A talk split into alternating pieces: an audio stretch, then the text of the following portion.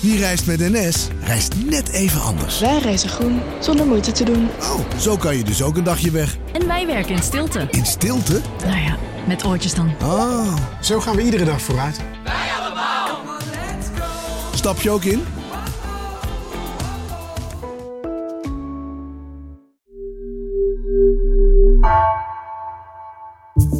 Vanaf de redactie van NRC het verhaal van vandaag. Mijn naam is Gabriella Ader.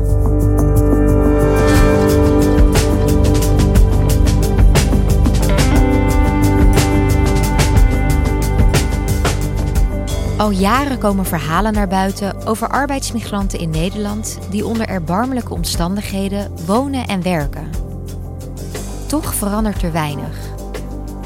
Bram Endendijk zag hoe in Helmond 13 arbeidsmigranten opgepropt in één huis wonen. Waarom wordt er in Nederland zo weinig gedaan om dit soort praktijken tegen te gaan?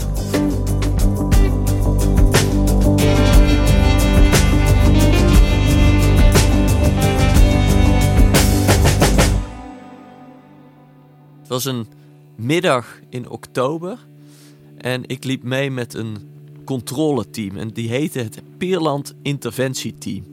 En dat is een programmaleider, twee toezichthouders, een wijkagent, een brandweerman.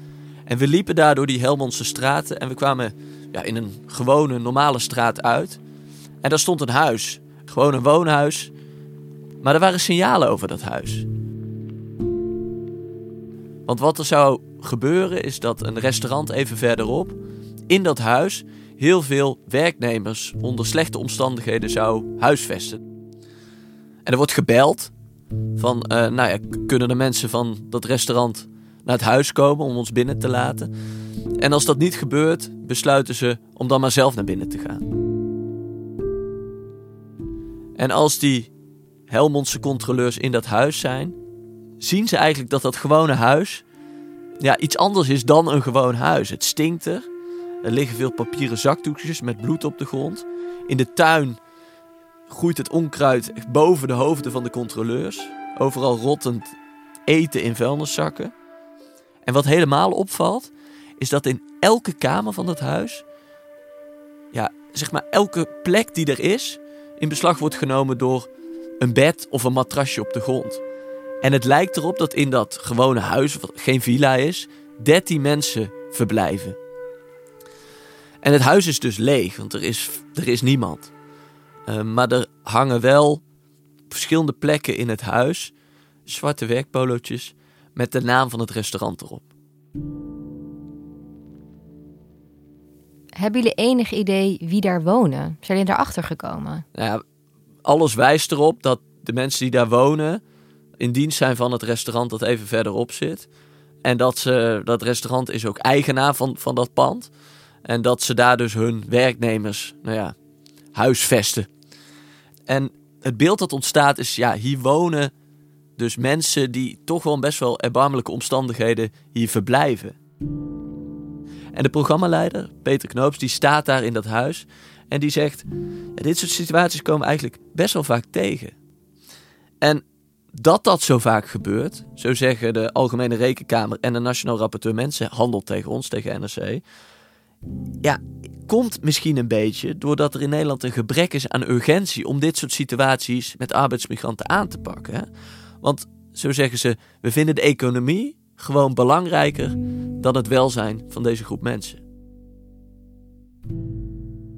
Jullie treffen daar in Helmond dus een, een pand aan waar waarschijnlijk 13 arbeidskrachten uh, gehuisvest zijn. Is dat iets wat vaker voorkomt in Nederland? Ja, we hebben heel veel arbeidsmigranten in Nederland. Meer dan 500.000 waarschijnlijk. Het precieze aantal is lastig te zeggen, omdat niet iedereen zich registreert als arbeidsmigrant. En dat zijn mensen die veelal komen uit Oost-Europa. Landen als Polen, Roemenië, Bulgarije. Um, en die komen hier naartoe eigenlijk om dan gewoon geld te verdienen. Vaak wonen ze in hun land in wat kleinere dorpjes waar weinig werkgelegenheid is. En als je wel kan werken, verdien je niet zoveel. En ze worden hier naartoe gehaald met toch ook wel de belofte van, nou ja, hier kun je bijvoorbeeld 8 of 9 of 10 euro per uur verdienen. En daarnaast is het zo dat de Nederlandse economie voor een gedeelte gebouwd is op deze groep mensen. We hebben ze gewoon nodig. Zonder arbeidsmigranten, geen distributiecentra, geen vleesverwerkende industrie, uh, geen kassen hè, waar ze in werken. Dus zonder deze groep mensen komen we onwijs in de problemen. Ja, want zij doen eigenlijk het werk wat de meeste Nederlanders niet willen doen. Hè? Dat, dat is het idee een beetje. Ja, dat is eigenlijk wat het is. En tegelijkertijd zien we dat hoe die groep mensen behandeld wordt, hoe ze gehuisvest worden, uh, hoe die contracten in elkaar zitten, wat er gebeurt als ze ziek worden. Ja, dat dat de manier is waarvan je kan zeggen, ja, daar is nog wel een heleboel op aan te merken. Want heb je daar nog meer voorbeelden van? Ja, ik ben samen met mijn collega Mark Middel de afgelopen kleine drie jaar uh, heel erg met dit onderwerp bezig geweest. Uh, en dat komt voor een gedeelte door de talen die we spreken. Mark uh, spreekt Pools, vloeiend. Ik spreek relatief goed Roemeens. Tenminste, ik kan een gesprekje voeren. en dat heeft als voordeel dat we de afgelopen jaren ja, ontelbare keren met z'n tweeën in de auto door heel Nederland getrokken zijn.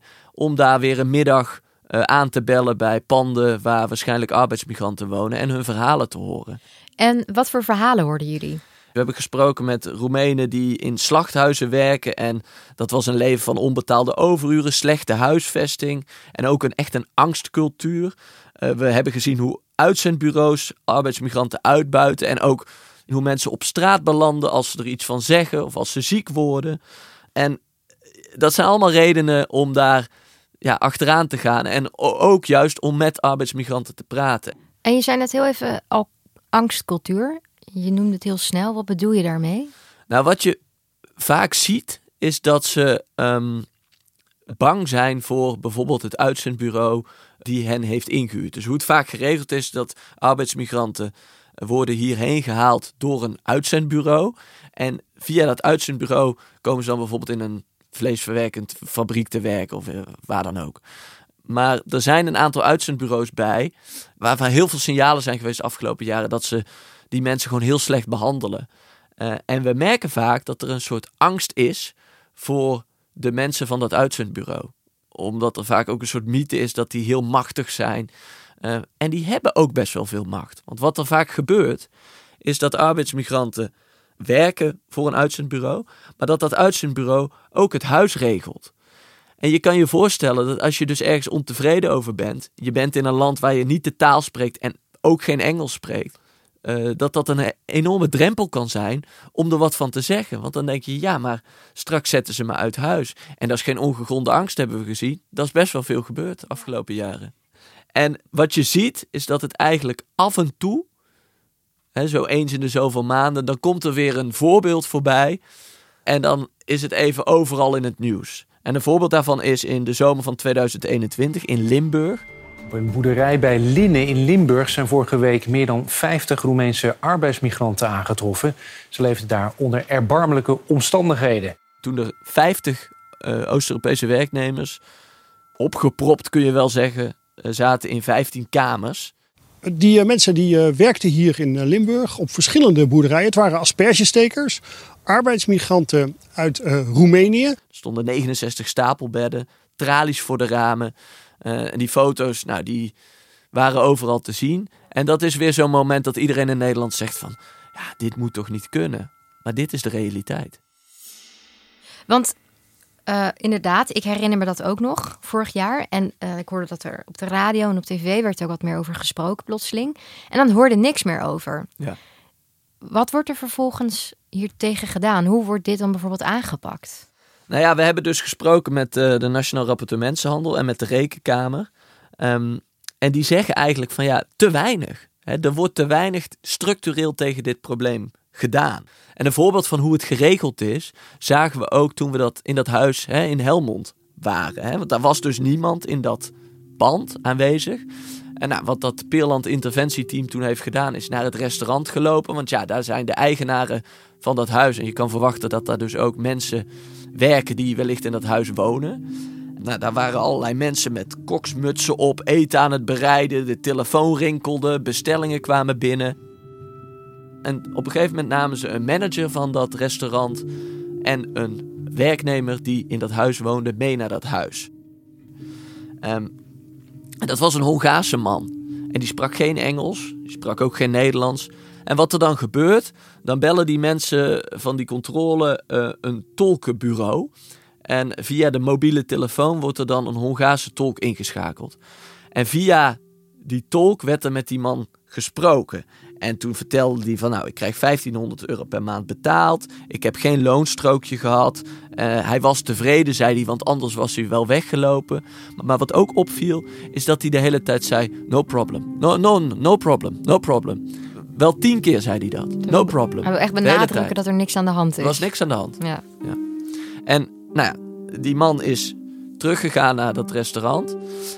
En uiteindelijk zeiden die mensen van die controle tegen mij: van kijk, uh, de brandveiligheid, daar is wat mee. Maar als er brandmelders worden opgehangen, dan is dat oké. Dus de manager werd naar de kruidvat gestuurd. En met een grote tas kwam die terug vol met, met rookmelders, moest die ophangen. Dan was dat oké. Uh, en het was zo dat um, als je naar het bestemmingsplan kijkt, dan mochten er niet 13 mensen wonen. Hè? Dan mocht alleen een gezin wonen. Hè? Nou, toen dacht ik, oké, okay, wordt er misschien een boete uitgedeeld of wat dan ook. En hoe het dan geregeld is, is dat de eigenaren van dat huis, dus de restaurantbazen, dat die uh, de tijd krijgen om een vergunning aan te vragen dat er dus wel zoveel mensen in huis mogen wonen. Uh, en tot die tijd, dus totdat er een beslissing is genomen over zo'n vergunning, mag de oude situatie blijven bestaan. Ja, en je kan je voorstellen dat dat natuurlijk niet een echte prikkel is voor mensen om dit soort dingen niet te doen. Want als er dan al een controle komt, wat natuurlijk niet iedereen overkomt, ja, dan is de enige consequentie dat je een vergunning moet gaan aanvragen. En hoe lang kan dat duren? Ja, nou ja, dat is niet per se volgende week geregeld. Nee, daarom. Dus ja, op deze manier zou je kunnen zeggen, ja, is het misschien wel aantrekkelijk, omdat er weinig sancties op staan, om dit te doen. Maar kunnen er dan bijvoorbeeld ook geen juridische stappen genomen worden? En wat vaak het probleem is, is dat uh, je hebt allerlei instanties in Nederland die zich hiermee bezighouden. Uh, en dat elke instantie toch ook weer van een ander onderdeel verantwoordelijk is. Dus een gemeente kijkt vooral naar huisvesting. Maar de rol van de werkgever komt vaak op het bordje terecht van de arbeidsinspectie. Dus uh, het is best wel ingewikkeld om te kijken van wie doet wat. Hè? Dat moet allerlei overleg over zijn. En het is ook bekend dat het bijna nooit gebeurt dat er iemand voor de rechter komt en dan ook veroordeeld wordt voor arbeidsuitbuiting. En dat heeft er deels mee te maken met hoe die wet is opgeschreven. Nou, en men vindt ook dat dat veranderd moet worden. Maar een onderzoek waar wij eerder over publiceerden, uh, toont ook aan dat de huidige wet niet correct wordt nageleefd door Nederlandse rechters. Dus dat ze eigenlijk, laten we zeggen, de, de drempel voor arbeidsuitbuiting te hoog maken. Dat ze bijvoorbeeld zeggen, als iemand, zoals deze Hongaarse man, er zelf mee eens lijkt te zijn, dus als hij instemming heeft, ja, dat er dan geen sprake is van arbeidsuitbuiting. Terwijl die onderzoekers zeggen van ja, nee, um, ook dan kan er sprake zijn van arbeidsuitbuiting.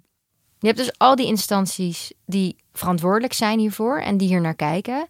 Maar uiteindelijk gebeurt er niks. Hoe kan dat dan? Nou ja, de Rekenkamer en de Nationaal Rapporteur Mensenhandel, die we dus hierover spraken, die zeggen van ja, dat heeft gewoon te maken met de urgentie, met Nederlanders. Dus bottom line vinden wij, volgens die twee instanties, het misschien belangrijker dat de economie het goed doet en dat we zeg maar op de schouders van deze mensen tot economische groei komen, dan hoe het echt met ze gaat. En als je een rapporteur zegt bijvoorbeeld, dan denk ik aan buren die zien ja, dat mensen, arbeidsmigranten, uh, heel vroeg en heel laat met busjes worden opgehaald. Nederlandse werknemers die in kassen werken en uh, als het heel erg warm is, wel naar huis gaan, maar de arbeidsmigranten werken door. Dan denk ik aan werknemers als er pesticiden gebruikt wordt, dat die dan weggaan, maar de arbeidsmigranten blijven wel werken. En dat is misschien ook wel het verhaal van wat er hier aan de hand is. Interesseert het ons als Nederlanders wel genoeg dat er dus een grote groep mensen is ja, die misschien bijna tweederangs burgers zijn? En Connie Rijken, de Nationaal Rapporteur Mensenhandel, die zegt van dat heeft voor een deel te maken met gewoon de mentaliteit in ons land, in Nederland. Hè? Dus dat ze zegt van ja, wat we gewoon zien en wat ook heel veel mensen weten, is dat arbeidsmigranten niet als gelijken worden behandeld, maar gewoon stelselmatig worden achtergesteld, worden gediscrimineerd. En worden hier dan verder ook geen onderzoeken naar gedaan? Ja, kijk, vorig jaar presenteerde de Algemene Rekenkamer een rapport met, met een titel die eigenlijk veel zegt. Daden vrij uit, slachtoffers niet geholpen, was de titel van dat rapport. Ehm, en uh, dat richtte zich voornamelijk ook op de arbeidsinspectie, hè, de rol daarvan. En de conclusie van dat rapport was ook van ja, dat de meeste daders er gewoon mee wegkomen. Emiel Roemer, de voormalig SP-leider, heeft ook een rapport geschreven, al in 2020. Er moeten nu stappen worden genomen om arbeidsmigranten beter te beschermen. Dat vindt Emiel Roemer. Hij is voorzitter van het aanjaagteam Bescherming Arbeidsmigranten. Daar deed hij een aantal aanbevelingen en een van zijn belangrijkste conclusies was van maak die arbeidsmigranten nou minder afhankelijk van uitzendbureaus. Hè? Omdat die werkgevers dus ook vaak huurbaas is. Uh, en dat zou moeten veranderen. Dit zijn geen tweederangsburgers. Uitbuiting van mensen mogen we in een rijk land als Nederland gewoon niet accepteren. Iedereen wil dat er iets aan uh, moet gebeuren. Begin er alsjeblieft mee. Vandaag. En je noemde eerder ook al de arbeidsinspectie, dat dat ook een van die instanties is die toch ook deels verantwoordelijk zou moeten zijn. Wat zeggen zij hierover? De arbeidsinspectie die zegt van nou het aantal boetes dat stijgt. Nou, als we dan naar de cijfers kijken, dan is het aantal door inspecteurs opgelegde boetes in 2018 zijn er 30 en in 2020 zijn het er 38. Dus ja, dat stijgt inderdaad wel iets. En ze zeggen ook dat naar aanleiding van die aanbevelingen van de Rekenkamer, ze hebben gewerkt aan verbeteringen van de werkwijze van de, ja, van de inspectie. Maar ook dat het een illusie is dat met handhaving gerepareerd kan worden wat er op de arbeidsmarkt gebeurt. En wat, wat denk jij nu dat er nodig is om in ieder geval verandering teweeg te brengen? Nou ja, er zijn dus allerlei dingen die uh, zo'n beetje in gang zijn gezet. Hè? En dan denk je aan uh, wetswijzigingen, uh, certificering voor uitzendbureaus. Nou, die aanbevelingen van Roemer waar men eventueel mee aan de slag gaat. Ehm, maar wat Connie Rijken ook zegt, hè, die nationaal rapporteur, van het begint misschien wel bij de burger. En zij zegt van wat ik dus ook wil, is dat het in de Nederlandse politiek urgenter wordt. Want daar is het eigenlijk niet echt een thema. De belangen van arbeidsmigranten staan bij veel politieke partijen niet voorop. Het, zijn, ja, het is misschien ook geen stemmentrekker, zou ik dan zeggen. Maar ja, dat is wel de realiteit. Hoe liep het tenslotte af in Helmond? Nou ja, daar werden dus door de manager de rookmelders tegen het plafond gedrukt. Toen was het oké, qua brandveiligheid. Uh, en wat ik wel zie daar, is dat ze daar er wel echt wat aan proberen te doen met die controles. Om er misschien voor te zorgen dat, dat werkgevers die slechte bedoelingen hebben, dat die zien van weer een controle, gedoe, we gaan ergens anders naartoe. Maar ja, het feit blijft wel, we hebben deze mensen nodig nu in, in onze economie. Hè? Dus en tegelijkertijd zien we al jaren dat het ook ergens knelt. Dat we ze dus nodig hebben in de kassen, in de distributiecentra, in de fabrieken. Maar dat we tegelijkertijd wellicht niet de huizen hebben om ze op een fatsoenlijke manier op te vangen. En wat die Nationaal Rapporteur Mensenhandel daarover zegt, is eigenlijk gaat het om één fundamentele vraag. En dat is: willen we dit nog? En is dit de samenleving waarin we willen leven?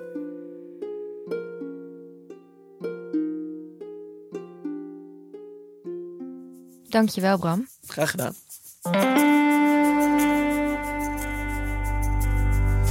Je luisterde naar vandaag, een podcast van NRC. Eén verhaal, elke dag. Deze aflevering werd gemaakt door Nina van Hattem en Ruben Pest. Dit was vandaag, morgen weer.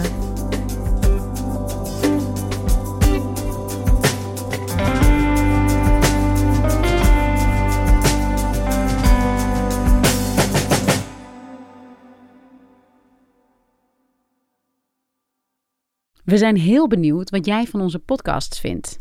Je helpt ons enorm door een korte vragenlijst in te vullen op nrc.nl/slash podcastonderzoek. Dankjewel.